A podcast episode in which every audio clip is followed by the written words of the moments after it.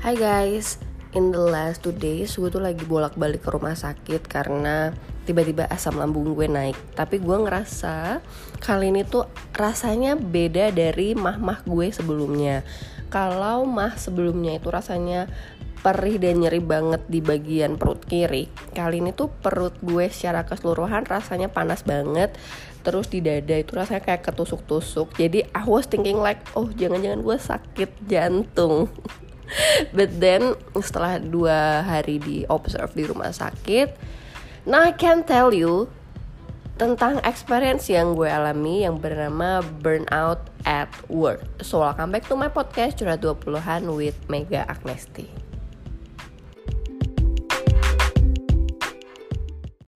Persis banget di episode sebelumnya gue lagi banyak memikirkan tahun 2020 ini yang mungkin buat sebagian orang rasanya sangat berat tapi banyak juga yang mendapatkan berkah dari apa yang terjadi di 2020 gue adalah salah satu orang yang mungkin merasakan keduanya ya baik um, ketidak baikan nasib di 2020 tapi juga banyak banget opportunity yang terbuka di 2020 but today kayaknya gue akan menceritakan dulu tentang uh, ketidaknyamanan gue dengan 2020 karena kalau untuk opportunity 2020 gue akan ceritakan di next episode. Semoga itu bisa memotivasi kalian.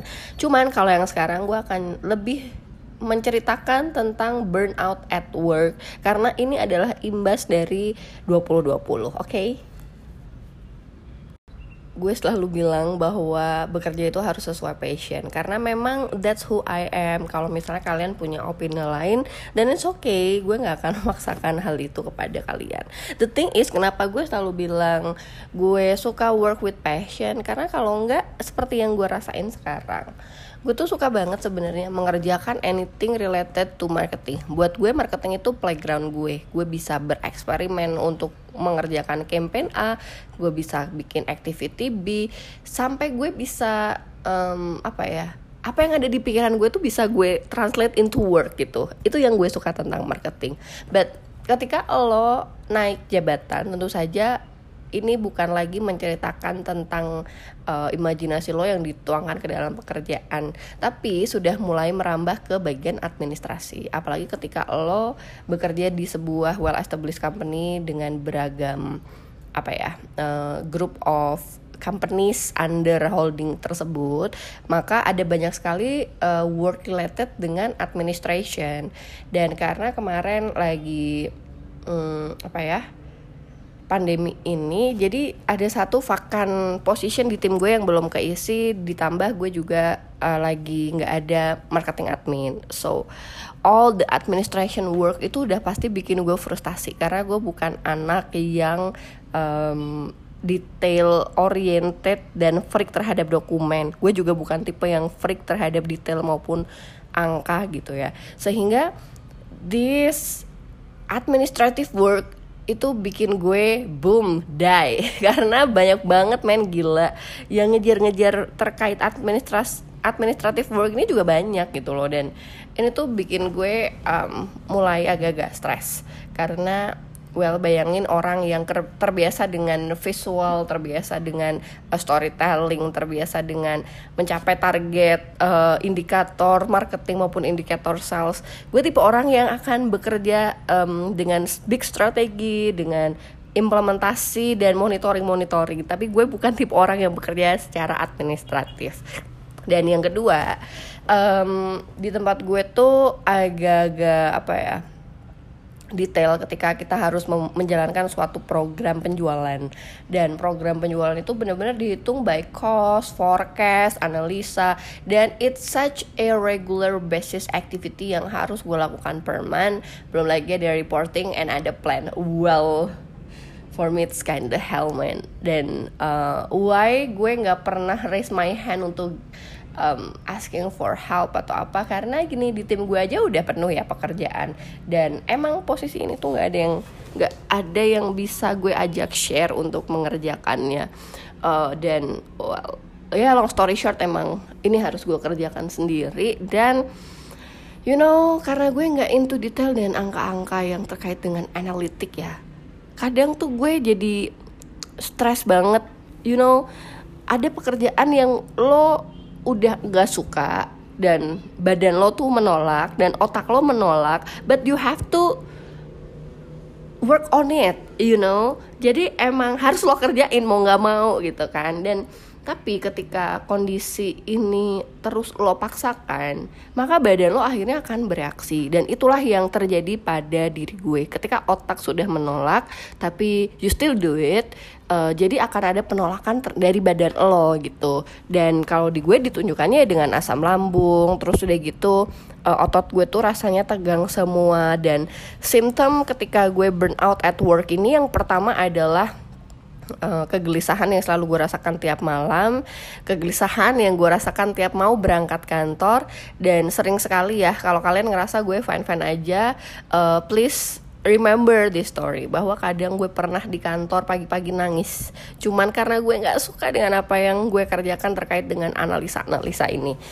Yes that's the dark side of me for for your information. Jadi kalian jangan selalu mikir um, pekerjaan gue rainbow and butterflies. Yes when it comes to marketing yes. Tapi when it comes to this kind of analytic and things that's just not my cup of tea sehingga ya kegelisahan yang gue rasakan setiap pagi nangis-nangis itu ada dan mungkin sebuat sebagian orang tuh kalian ngeliat ini drama tapi ternyata this is the sign that I cry for help itu yang harus kalian pahami juga. Burn at work yang pertama adalah kalian merasakan kegelisahan setiap malam ataupun setiap kali kalian mau bekerja. Terus yang kedua, gue tuh anaknya akhir-akhir ini tetap akan makan teratur cuman gue emang nggak bisa lepas dari kopi. Dan gue tuh tahu mana kopi yang nyaman buat perut gue mana yang enggak. Dan kebetulan kemarin ada satu kopi yang uh, menurut gue tuh enak. Cuman buat di perut gue tuh agak-agak perih ya. Tapi setelah beberapa saat gue minum kopi ini ternyata gue baik-baik aja. Jadi akhirnya keterusan nih tiap pagi minum kopi tersebut Mungkin, mungkin ya. Si kopi ini kalau kata dokter gue sih nggak terlalu masalah karena sebenarnya uh, ketika kita membicarakan asam lambung, masing-masing orang akan memiliki trigger makanannya sendiri-sendiri. Jadi kadang kopi di gue ternyata uh, bikin perut sensitif, di kalian bisa jadi tidak. Wine di gue mungkin bikin efek perut jadi perih di kalian bisa jadi tidak. Jadi trigger makanan ini tergantung dari masing-masing individu. But the thing is ketika kita membicarakan trigger yang berasal dari makanan yang gue kaget adalah kenapa ketika gue udah makan teratur pun gue tetap ngerasa perutnya tuh perih banget dan kali ini tuh rasa perihnya bukan di perut sebelah kiri tapi seluruh perut rasanya panas banget kemudian yang bikin gue shock adalah ada rasa ketusuk-tusuk di dada dari depan sampai belakang. Wah gila gue waktu itu langsung berpikir anjir gue kena sakit jantung. itu yang gue pikirin gitu tapi terus akhirnya gue kayak oke okay, gue belum punya waktu untuk ke dokter jadi I keep going sampai akhirnya hari Rabu kemarin gue tuh perutnya panas banget gue udah minum obat terus gue kasih makan tetep rasanya pengen mual pengen muntah akhirnya gue waktu itu langsung pulang jam 6 langsung pulang ke dokter. Terus gue langsung minta rujukan ke rumah sakit untuk diinfus. Karena itu kebiasaan gue kalau misalnya gue lagi sakit dan bener-bener sakit banget gue minta uh, ke UGD untuk diinfus. Masalahnya nih ya sekarang kalau dulu kan gue langsung datang aja ke rumah sakit langsung diinfus selesai gitu kan. Uh, dan asuransi kesehatan gue tuh nggak bisa. Kalau gue langsung datang ke UGD langsung minta infus tuh nggak bisa. Kecuali gue tiba-tiba udah nggak bisa jalan nggak bisa ngapa-ngapain gitu. Anyway akhirnya gue ke dokter gue minta rujukan untuk diinfus ke UGD dan itu nggak dikasih sama dia dia akhirnya merujuknya ke internis aja. Dan hari Kamis akhirnya gue ketemu internis uh, gue jelaskan apa yang gue rasakan. Uh, ternyata yang di dada itu bukan sakit jantung. Di dokter sebelumnya juga dijelasin itu bukan tanda-tanda sakit jantung. Tanda-tanda sakit jantung tuh nggak kayak gitu gitu. Long story short penjelasannya adalah bahwa memang asam lambung gue naik sehingga bisa berpengaruh ke dada. Tapi terus dokternya bilang gini doang ke gue coba kamu berdiri saya pengen periksa um, bahu dan leher kamu. Gue cuma dipegang doang dan sakit banget. Terus gue langsung bilang eh terus dokternya langsung bilang udahlah ini kamu fisioterapi aja ini tuh kamu stres kamu cuma butuh relaksasi. Coba tinggalin semua pikiran yang ada di otak kamu sekarang kamu relax udah. Itu pasti akan memperbaiki kondisi kamu. Kamu ini stres dia cuma bilang gitu doang men. Karena itu tadi gue bilang dok aku tuh makan teratur cuman emang aku minum kopi. Kenapa tiba-tiba perut aku tuh rasanya nggak enak banget dan rasanya tuh beda gitu kan. Dan ya udah penjelasannya seperti itu tadi. Ketika ternyata otak kita sudah menolak melakukan suatu pekerjaan dan kita tetap menjalankannya karena we have to I have to maka pelan-pelan ketidaksukaan otak terhadap pekerjaan tersebut ya akan e, berimbas kepada badan. Badan pun kita akan melakukan penolakan terhadap hal yang tidak kita sukai itu. Dan jadilah gue stres, um, otot leher dan bahu gue tuh katanya tegang semua sampai dokter nyuruh gue MRI. Nah terus gue juga dikasih obat. Obatnya almost the same sama obat dari dokter umum biasa. Uh, cuman dia bilang gini, kalau misalnya besok kamu datang ke sini lagi untuk uh, lihat hasil MRI dan ternyata uh, kamu ada apa-apa, maka saya akan rujuk kamu untuk rawat inap dan uh, kita pakai tindakan gastrotopi untuk melihat derajat uh, apa ya sakit pada lambung. Pokoknya gitu deh. Pokoknya dicek lambungnya bagian dalamnya tuh seperti apa. Takutnya memang luka dalam lambungnya tuh parah gitu kan. Terus akhirnya guys gue menjalani yang namanya MRI untuk pertama kali. Dan menurut gue MRI itu udah kayak mencekam banget gitu kan. Bahkan gue tiga kali percobaan masuk ke tabung MRI itu. Karena ternyata gue takut sama ruangan sempit sampai akhirnya nurse-nya megangin tangan gue it's gonna be okay. You can do this you can do this. Dan akhirnya gue bisa masuk dan survive in 20 minutes. Dan hari itu gue juga melakukan fisioterapi karena memang dibilang tuh karena gue stres otot-otot gue tuh menegang. Takutnya ada syaraf yang kejepit. Dan setelah fisioterapi memang gue pulang ke rumah tuh dalam keadaan aduh gila ya sakit semua nih habis di fisioterapi kayak dipijat gitu kan. Hari berikutnya gue datang lagi nih ke dokter uh, dan hari itu satu hari itu kan gue emang nggak megang pekerjaan ya. Jadi emang udah langsung relax banget. Hari kedua waktu gue datang ke dokter gue emang izin bed rest. Jadi rasanya pagi tuh juga happy tenang gitu. Karena emang gue nggak harus kerja. Dan I don't know somehow I feel guilty ya. Kayak hari Kamis Jumat gue gak ke kantor gue sarapan pagi sambil nonton The Crown rasanya it's so pleasing That's why gue feeling guilty karena gue ngerasa kok gue seneng ya nggak kerja kayak gini gitu. Sementara tanggung jawab pekerjaan gue di kantor tuh kayak masih banyak banget gitu kan. And then waktu gue datang ke dokter dalam keadaan gue udah relax dan dilihat hasil MRI juga sebenarnya nggak ada masalah. Cuman memang gue dibilang terlalu banyak membawa beban berat kayak laptop gitu-gitu. Jadi ada penyempitan dan sebenarnya penyempitannya itu adalah hal yang wajar gitu kan. Nah terus gue mengkombinasikan hasil MRI itu dengan hasil ronsen pada dada dan juga tulang belakang yang gue lakukan beberapa waktu sebelum ini gitu kan. Dan memang mm, gue kan lagi ada hyperlordosis di bagian uh, panggul ya kalau nggak salah. Jadi karena juga kebanyakan duduk di kantor, kebanyakan duduk ngetik dan lain-lain gitulah ya, sehingga memang tegangnya itu kerasa dari leher, pundak sampai dengan uh, berpengaruh juga terhadap uh, panggul. Jadi guys, um, apa yang disampaikan dokter kepada gue adalah memang yang menjadi masalah hidup gue adalah pekerjaan sih saat ini. Katanya gue stres banget di pekerjaan sehingga hal ini tuh bisa terjadi. Kalau gue lanjutin uh, pola hidup yang seperti ini maka bisa jadi asam lambung gue akan semakin naik dan luka pada lambung akan uh, semakin menjadi gitu. Sehingga ya sebaiknya nggak usah lah dibawa pikiran semua pekerjaan kita gitu. Dan akhirnya waktu gue pulang ke rumah gue teleponan sama beberapa temen gitu kan.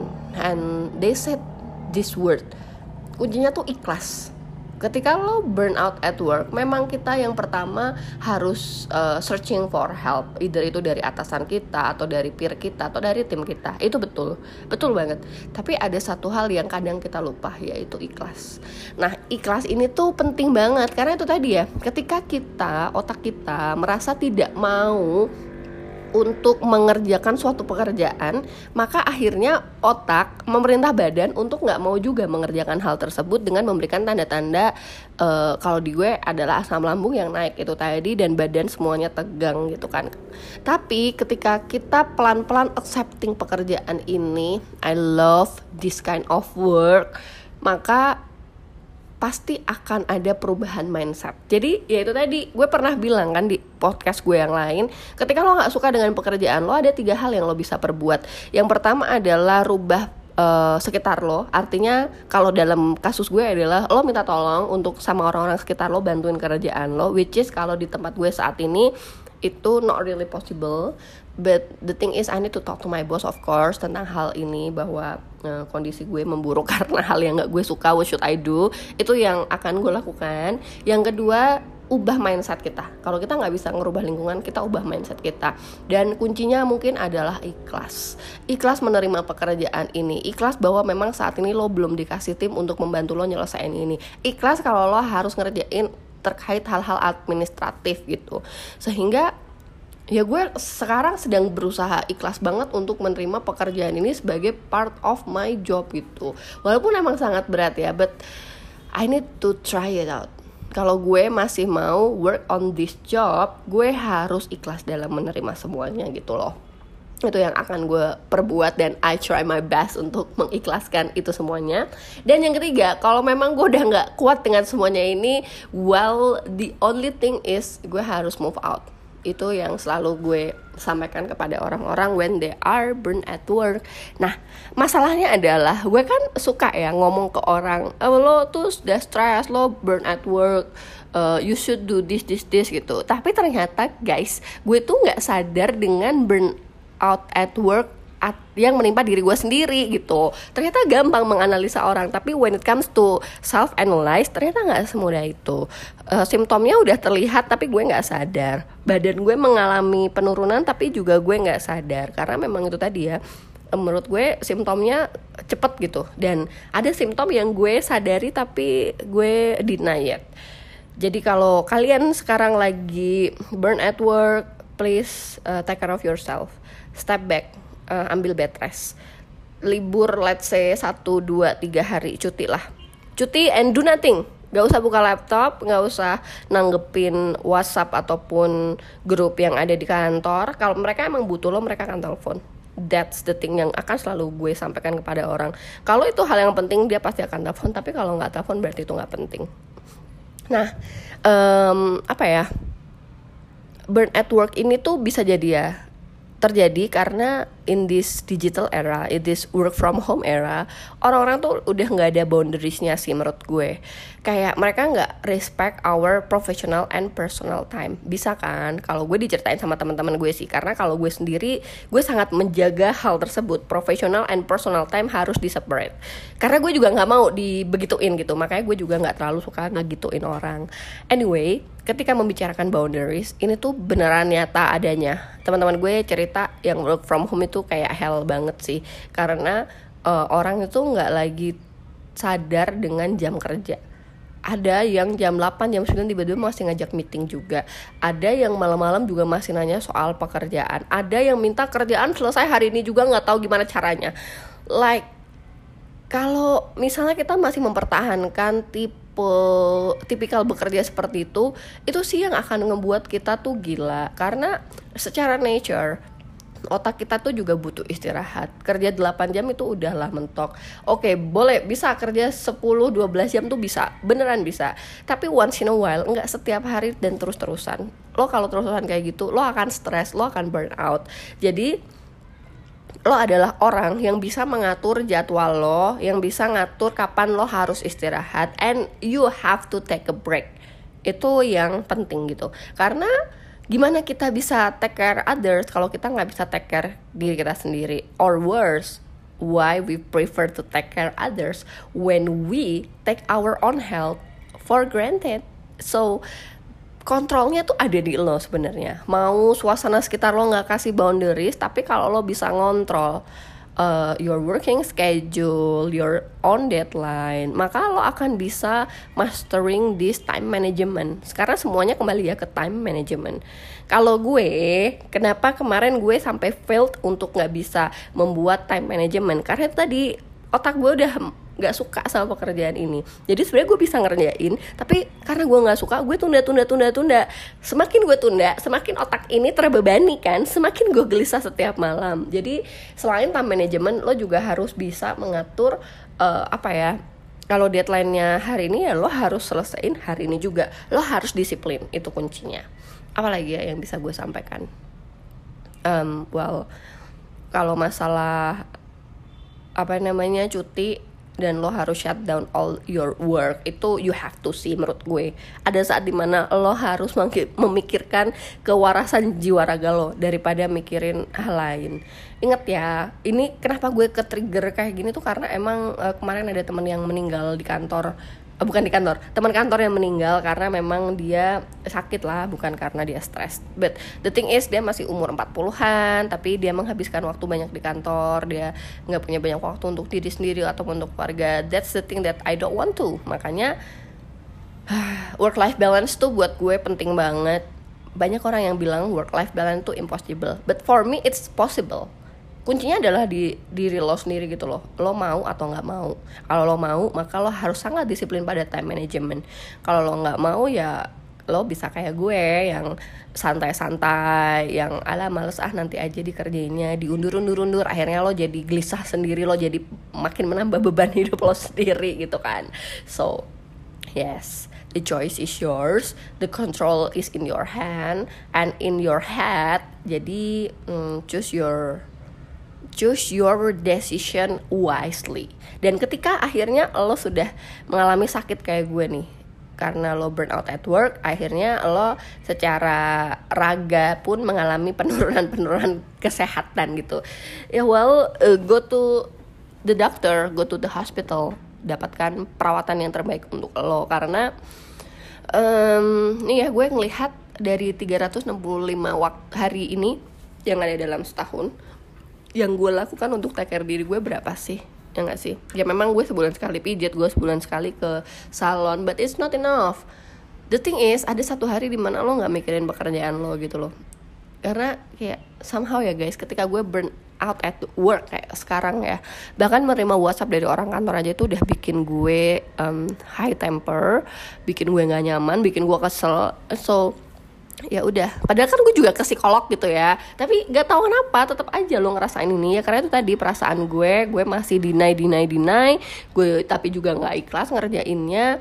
Jadilah gue kayak sekarang. So please take care of your health uh, take care of yourself. Karena kalau bukan lo siapa lagi ya nggak sih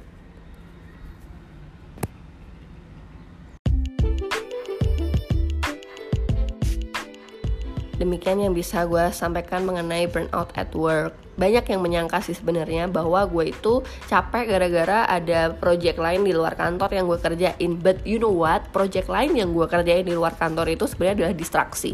And I really really happy doing it karena I feel like I help people gitu. I help people untuk ngatur keuangannya. I help people to do their marketing activity untuk yang SME atau small medium enterprise gitu kan. So I kinda happy to help people. Dan itu adalah apa ya salah satu relaxing activity buat gue. I write down all my imagination there. Dan seperti yang gue bilang gue sangat menikmati uh, di mana saat gue berimajinasi dan gue tuangkan hal itu ke dalam pekerjaan itu gue sangat menikmatinya. Jadi untuk side project yang ada di luar kantor I'm happy to do it. Jadi yang memang bener-bener bikin gue burn out adalah proses administratif di kantor gue sekarang ini. Um, the thing is gue bersyukur kantor gue punya asuransi kesehatan yang cukup komprehensif dan gue juga bersyukur ya ternyata sekarang banyak rumah sakit rumah sakit yang bagus dan bekerja sama dengan um, askes kesehatan dari kan askes dari kantor.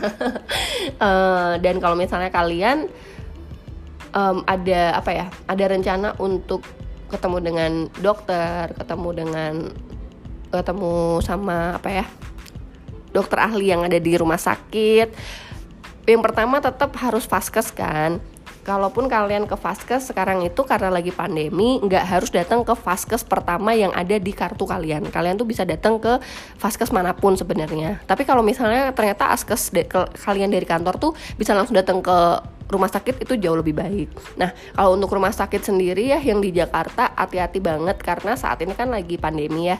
Uh, sebaiknya sih nggak ke rumah sakit yang menerima pasien-pasien yang terkait dengan COVID karena supaya meminimalisir paparan kita dari pasien-pasien COVID tersebut. Kayak gue kemarin ke salah satu rumah sakit yang well private hospital gitu di Menteng uh, I really really love this hospital. It's such a small hospital tapi sangat bagus dokternya juga uh, senior dan I kinda like it. Hmm, nanti DM aja kalau kalian nanya rumah sakit yang di Menteng ini karena nanti kalau nanti kalau semakin banyak orang tahu tuh dia akan semakin rame gitu kan. Ada juga satu uh, rumah sakit yang kecil juga di daerah Keramat Kuitang. Pokoknya gue emang tipikalnya nggak pernah mau nyari rumah sakit yang gede. Gue lebih suka rumah sakit yang kecil karena paparan kita untuk ketemu pasien-pasien tuh semakin sedikit kan jadi ya hati-hati aja buat kita semuanya supaya juga meminimalisir kondisi supaya kita nggak nggak terpapar lah sama COVID karena COVID ini masih ada dan masih terus bertambah. Sebentar lagi juga year end pasti akan ada long weekend and everything. Jaga diri kalian, jaga keluarga kalian juga. I think I talk too much ya lately. But I wish you enjoy it guys. And I'll see you in the next podcast episode tentang sesuatu yang baik di tahun 2020 Semoga ini bisa memotivasi kalian nantinya ya. Thank you for listening to this episode. Bye-bye